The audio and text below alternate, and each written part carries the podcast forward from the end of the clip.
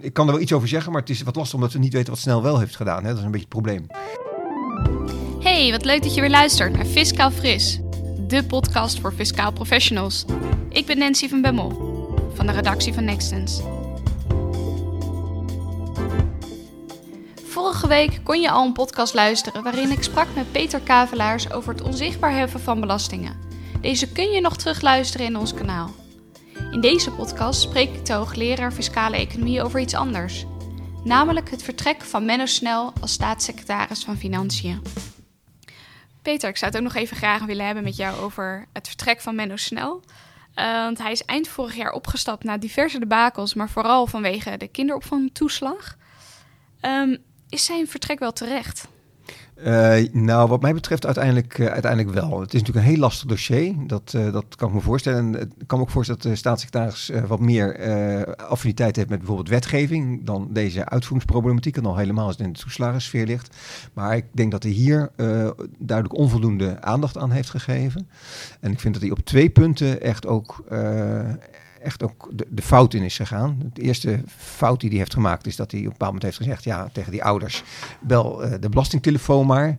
Ik, dat kun je gewoon niet maken. Dan moet je zeggen, joh, je kunt contact met ons nemen. Wij openen een, telefoonnummer voor je en daar zitten uh, twee of drie mensen achter en daar kun je gewoon contact opnemen. Uh, dat, dat, dat, maar je gaat niet de belastingtelefoon, dus dat vind ik echt heel erg slordig. Maar wat ik een grotere misser vind, is die allerlaatste fase uh, waar, die, waar, waar die dossiers, die gezwarte dossiers zijn geproduceerd. Als je, als je in die omstandigheden van zo'n traject zit als staatssecretaris dan, en je zegt, nou oké, we gaan die dossiers leveren, dan wil je gewoon die op je eigen bureau zien. Dan zorg je dat je die echt persoonlijk ziet en kijkt wat daarmee gebeurt. En dat is niet gebeurd. Uh, hij heeft dat gewoon aan zijn ambtenaar overgelaten. Ja, en dat, dat, dat, dat kan onder die omstandigheden kon dat niet meer. Normaal is dat natuurlijk logisch, maar niet, niet meer nu. En dat vind ik twee punten waar die echt gewoon tekort is geschoten. Waarom, uh, waar ik eerder al had gezegd uh, dat het terecht is dat hij uh, het, het, veld moet ruimen. En, en het feit dat hij natuurlijk, het heeft bij elkaar, het duurt nu al zo lang. dat, dat, dat had ook eerder opge had echt eerder iets aan moeten gebeuren. Ja, ja, precies. Ja, want op zich zat hij nu natuurlijk wel redelijk goed in de uh, materie. In ieder geval, daar ga ik vanuit. Hij is ja. nog niet zo heel lang bezig. Hij nee. moet ook een hoop rotzooi van uh, Wiebes uh, ja, opruimen. Zeker. Um, ja, dient het dan wel het algemeen belang? Nou, ik denk dat, ja, kijk, het is natuurlijk altijd vervelend als je als bewindspersoon rommel van de voorganger moet opruimen, want dat, dat is inderdaad zo. Maar goed, dat zien we op andere vlakken natuurlijk ook. En je weet dat dat uh, inherent is als je de post aanvaardt, dat je ja. er, uh, zeg maar, uh, wat uit de kast kan komen wat je niet wil. Mm -hmm. dus dat vind ik dan niet zo'n punt. Uh, zijn de ervaring op dit punt, dat vind ik ook niet zo'n punt, want het, het dossier zelf is niet heel ingewikkeld. Het, het, is, het, is, het is eigenlijk vrij eenvoudig. Dus een nieuwe bewindspersoon die kan dat heel makkelijk uh, oppakken zonder dat het hem heel veel, heel veel tijd kost. Ik denk dat als hij een dag aan het studeren is, dat hij, dat hij er echt wel uit is. Hoe, het in elkaar zit en wat er wat aan de hand is. Dus dat vind ik niet zo'n niet zo'n niet zo'n punt. Ik denk dat dat makkelijk op te pakken is. Oké. Het wordt toch vaak gezegd dat de Belastingdienst um, een behoorlijke opgave is, omdat op te schonen en weer op de ja, ja, ja, maar, ja, ja, zeker. Maar daar ben ik het ook wel mee eens. Maar dat, dat, uh, daar, daarvoor maakt het denk ik niet zoveel uit of je uh, zeg maar de, de, oude staatssecretaris zou hebben of dat je een nieuwe staatssecretaris uh, hebt. De vraag is overigens wel, die, die, die, dat, dat punt is ook al eerder gesuggereerd afgelopen najaar volgens mij, of je de taken van de staatssecretaris niet wat zou moeten splitsen. Want hij heeft natuurlijk twee grote portefeuilles. Enerzijds is het zeg maar wetgeving en beleid. En anderzijds is de uitvoering van de Belastingdienst. En bij de, ja, de hele overheid, en bij het werken natuurlijk iets van 25.000 man. Nou, die zijn voor het grootste deel met fiscaliteit bezig. Dat is natuurlijk echt heel erg veel. En je zou je toch kunnen afvragen of je, uh, zeg maar, uh, dat, dat die twee delen niet uit elkaar zou moeten halen.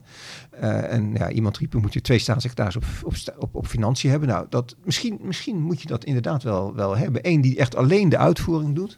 En één die alleen de wet, wetgeving en beleid doet. Of je moet inderdaad zorgen dat je een heel sterk iemand hebt die, uh, zeg maar, de beleidsmaten, of sorry, het uitvoeringsdeel van de, van de Belastingdienst, uh, van de belastingwetgeving, et cetera, doet. En die zegt, nou, die is daar helemaal verantwoordelijk voor. Daar hoef ik maar staatssecretaris ook niet mee te moeien. Maar dan moet je, dat, dat is natuurlijk wel lastig, want die, heeft, die persoon heeft dan weer, als je hem geen staatssecretaris maakt, geen, geen politieke verantwoordelijkheid. Want die blijft dan toch weer bij de staatssecretaris. Ja, dus die moet er eigenlijk uiteindelijk toch weer wat van weten. En de ja, dus ik, ik, ik, ik, ik, ik denk, er werd wat lacher over gedaan, twee staatssecretarissen op financiën. Maar ik vraag me af, gelet op dat grote verschil in portefeuilles en natuurlijk er wel samenhang tussen. Er moet ook goed overleg en samenwerking zijn. Maar is het misschien niet onhandig om dat te doen? En zeker ook omdat de, de, de Belastingdienst natuurlijk toch een, nou, een, een, een, moeilijke dienst is gebleken te zijn. Dat hij daar tenminste tijdelijk iemand opzet als, als tweede, tweede persoon. Ja, tot de boel opgeruimd is. Ja, tot het, eh, tot het weer eh, netjes geordend is. Ja, want is dat nu ook waar het fout is gegaan, denk je? Dat er gewoon te veel taken op het bordje van Menno Snel lagen? Ja, dat, nou, dat is mijn inschatting wel. En ik kan me, ik, ik kan me dat ook wel voorstellen. Als je zo'n najaar ziet, zo'n afgelopen najaar, waar het, het hele wetgevingsproces, het hele belastingplan, met alles wat er op en aan zit door de Kamer moet. Nou, dat is echt een, dat weten we allemaal, als een fors pakket. Nou, daar heb je echt al je aandacht voor nodig. Uh, als, als, als bewindsman. En als de, dit pakket erbij komt, en in die zin heb ik dus, ja, heb ik inderdaad echt wel medelijden met hem, dan, dan is dat gewoon niet te doen. Dat, simpelweg, dat kan de mens niet aan, om het zo maar te zeggen. Ik bedoel, dat, dat, je, je moet ook nog een beetje slapen en uh, dat, ja. uh, bij, bij wijze van spreken. Dus dat gaat gewoon niet. En van, vanuit die hoofden denk ik dat het, dat dus die, die splitsing misschien toch wel een goed idee is. En zeker, zou je kunnen zeggen, voor de resterende kabinetsperiode, want er moet nu wat gebeuren. Nou, als, als je nu een, een tweede persoon erbij kunt hebben die probeert dat probleem met de Belastingdienst op te lossen. Uh, dan kan je misschien komend kabinetsperiode weer gewoon één, één winstpersoon er neerzetten. Ja, wat zijn nu de argumenten om, om dat juist niet te doen? Ja, dat weet ik niet. Nou ja, het is natuurlijk nog ongebruikelijk om twee staatssecretarissen op een departement te zetten, bij mijn weten. Uh, dus ja, dat, dat zal men niet zo snel, uh, snel willen. En ja, er zit misschien ook nog een ander nadeel in. Nou, dat die twee natuurlijk wel weer regelmatig overleg hebben. Dat je ook afstemming moet hebben. Maar ja, daarvan denk ik dat is gewoon elke week een uurtje of twee uurtjes bij elkaar gaan zitten. Uh, en, en, en die afstemming plegen. Dus dat, dat, dat vindt het lijkt mij wel van, uh, van andere zaken. Bovendien, als je dat doet, dan heeft die staatssecretaris die, die voorheen voor de Belastingdienst zegt, die heeft, die heeft dat niet meer. Dus die, die tijd is er ook wel. Ja. Dus ik, ik, zie er zelf eigenlijk niet zoveel bezwaar tegen. Zeker niet om het tijdelijk te doen om, om uh, de Belastingdienst uh, zeg maar uh, wat op te schudden, om het zo maar te zeggen. Ja, ja, precies. En nu Hoekstra de taken van Menno Snel tijdelijk ja, overgenomen. Dat is, ja, dat is natuurlijk toch wel curieus eigenlijk. ja, terwijl er zoveel speelt. Kan ja, dat, ja, dan kun je wel zeggen, het, het belastingplan is natuurlijk net door. Dus het grote werk is even achter de rug. Maar ja, je kunt, ik, ik eerlijk gezegd, je moet toch wel heel korte termijn daar gewoon een, een andere bewindspersoon kunnen vinden. Dus ja, het is natuurlijk heel sympathiek dat snel uh, dat uh, Hoekstra dat, dat doet. Hij moet ook wel, hij kan natuurlijk niet, niet anders, maar dit, dit moet wel snel opgelost worden. Ja, anders wordt het zootje misschien nog groter. Ja, nou, bovendien, ja, het, het, is zoals gezegd, het, de klus van de staatssecretaris is een hele grote, dus die kun je niet bij een minister dan, dan onder, onder gaan brengen, die, die zelf natuurlijk ook al een hele grote klus, klus heeft. En het kan toch niet zo zijn dat er in Nederland niemand te vinden is die, die dat kan doen. Nee, nee, precies. En nou ja, stel dat ze binnenkort, tenminste daar ga ik vanuit, een nieuwe winstpersoon aanwijzen. Wat zou die dan anders moeten doen dan Menno Snel? Uh, nou, ik, ik, ja, ik denk dat hij, uh, A, moet het een, wel een bewindsman zijn die, die, die heel stevig in zijn schoenen staat. Het moet denk ik inderdaad echt uh, toch maar wat, wat, wat ouder iemand zijn die gewoon heeft bewezen dat hij ook hard kan ingrijpen. Dat is volgens mij wel, wel een belangrijk punt. En hij zal denk ik even de aandacht vooral op de Belastingdienst moeten richten. En het andere deel van zijn pakket iets minder aandacht moeten geven. En daar ook natuurlijk akkoord voor kunnen krijgen bij de, bij de Kamer bijvoorbeeld. Hè, dat hij niet daar dan lastig over begint. Of hij moet het zo doen, uh, wat misschien nog wel een ander is, dat hij gewoon zegt: Ik uh, heb een hele sterke. Ik, ik, ik, kom, ik kom als staatssecretaris, maar ik, heb een, ik neem een hele sterke rechterhand wil ik erbij hebben, een nieuwe. Hè, iemand dat ook van buiten komt. En die gaat dat uh, met alle rechten, et cetera, kracht gaat, gaat die belastingdienst aanpakken. en mijn voorkeur zou een beetje de laatste zijn. Tenminste, ervan uitgaan dat je daar ook een geschikt iemand voor kan, kan ja, vinden. En, en, eigenlijk, en dat, dat is ook wel een beetje wat mij verbaast in het hele proces. Eigenlijk is dat natuurlijk een beetje de taak van, zou ik zeggen, de secretaris-generaal of de, of de, de directeur-generaal. En daar in het hele proces hoor je van, van die groep niks. Terwijl ik denk, ja, waar de, de secretaris-generaal en de directeur-generaal, die hebben toch de, de taak om de bewindsman nou ja, te beschermen, zeg maar, tegen calamiteit. En daar nou, dat, hoe dat gelopen is, weet ik ook niet. Maar dat vind ik toch wel, wel raar. Dat, dat, dat kennelijk, dat, ja, ik zou zeggen, die hebben ook steken laten vallen. Ja, precies. Dus verwacht je daar nog een opschaal? Nou, dat, dat, ik vind dat uh, heel merkwaardig dat je daar in de, in de publiciteit ook helemaal niets van hoort. Dat daar kennelijk niet naar gezocht wordt. De Kamerleden daar ook kennelijk niet goed naar vragen. Van wat is er nu eigenlijk, hoe, hoe, hoe werkt die dienst nou? Hoe zit het nu bij die secretaris-generaal? Hoe zit het bij die DG's? Maar ook, hoe zit het nou met die mensen die uh, het probleem uiteindelijk op de werkvloer hebben veroorzaakt? Nou, ik vind dat, gelet op deze omvang van, van het probleem, dat daar uh, best wel wat over naar buiten mag komen. Ja, ja, precies. En niet zozeer eh, concreet wat er individueel op het individueel niveau misgaan. Waar, wat, wat, wat, wat doet de overheid nu? Wat, wat, worden er maatregelen genomen, uh, et cetera? Worden mensen vervangen? Wordt er, wordt er iets georganiseerd of zo? Ik, ik, ik, ik lees er niks van. Dus dat vind ik ook wel... Uh, dat, dat had wat mij betreft hoog moeten. Ik, ik zou ook, met, met name als Kamer, als, als, Tweede Kamer, denk dat je daar wel een rol hebt om dat, uh, zeg maar, ehm, daarnaar te vragen.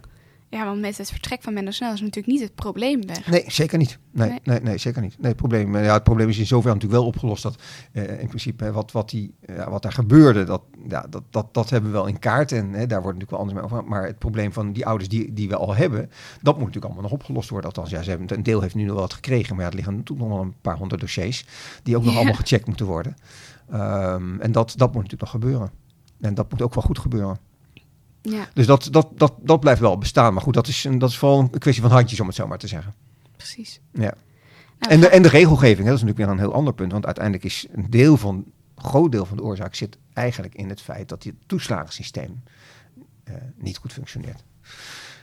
Oké, okay. zou je daar wat over kunnen vertellen? Nou ja, kijk, het toeslagensysteem heeft natuurlijk... We hebben dat, uh, wat is het nou, ja, ruim tien jaar geleden ingevoerd, denk ik, zoiets. Ja, uh, ik denk al langer zelfs. En dat dat, dat, dat is natuurlijk een, eigenlijk een beetje raar systeem, want we gaan geld uitgeven aan belanghebbenden. Nou, enorm hoeveel groot bedrag is het. Hè? Enorm veel mensen, uh, of gezinnen, ik geloof dat iets van 6 miljoen gezinnen zijn die, die iets van een toeslag krijgen of meer toeslagen. En dat is natuurlijk wel erg raar, want die toeslagen zijn eigenlijk alleen maar bedoeld voor mensen die echt aan de onderkant van de samenleving zitten, iets extra's te geven.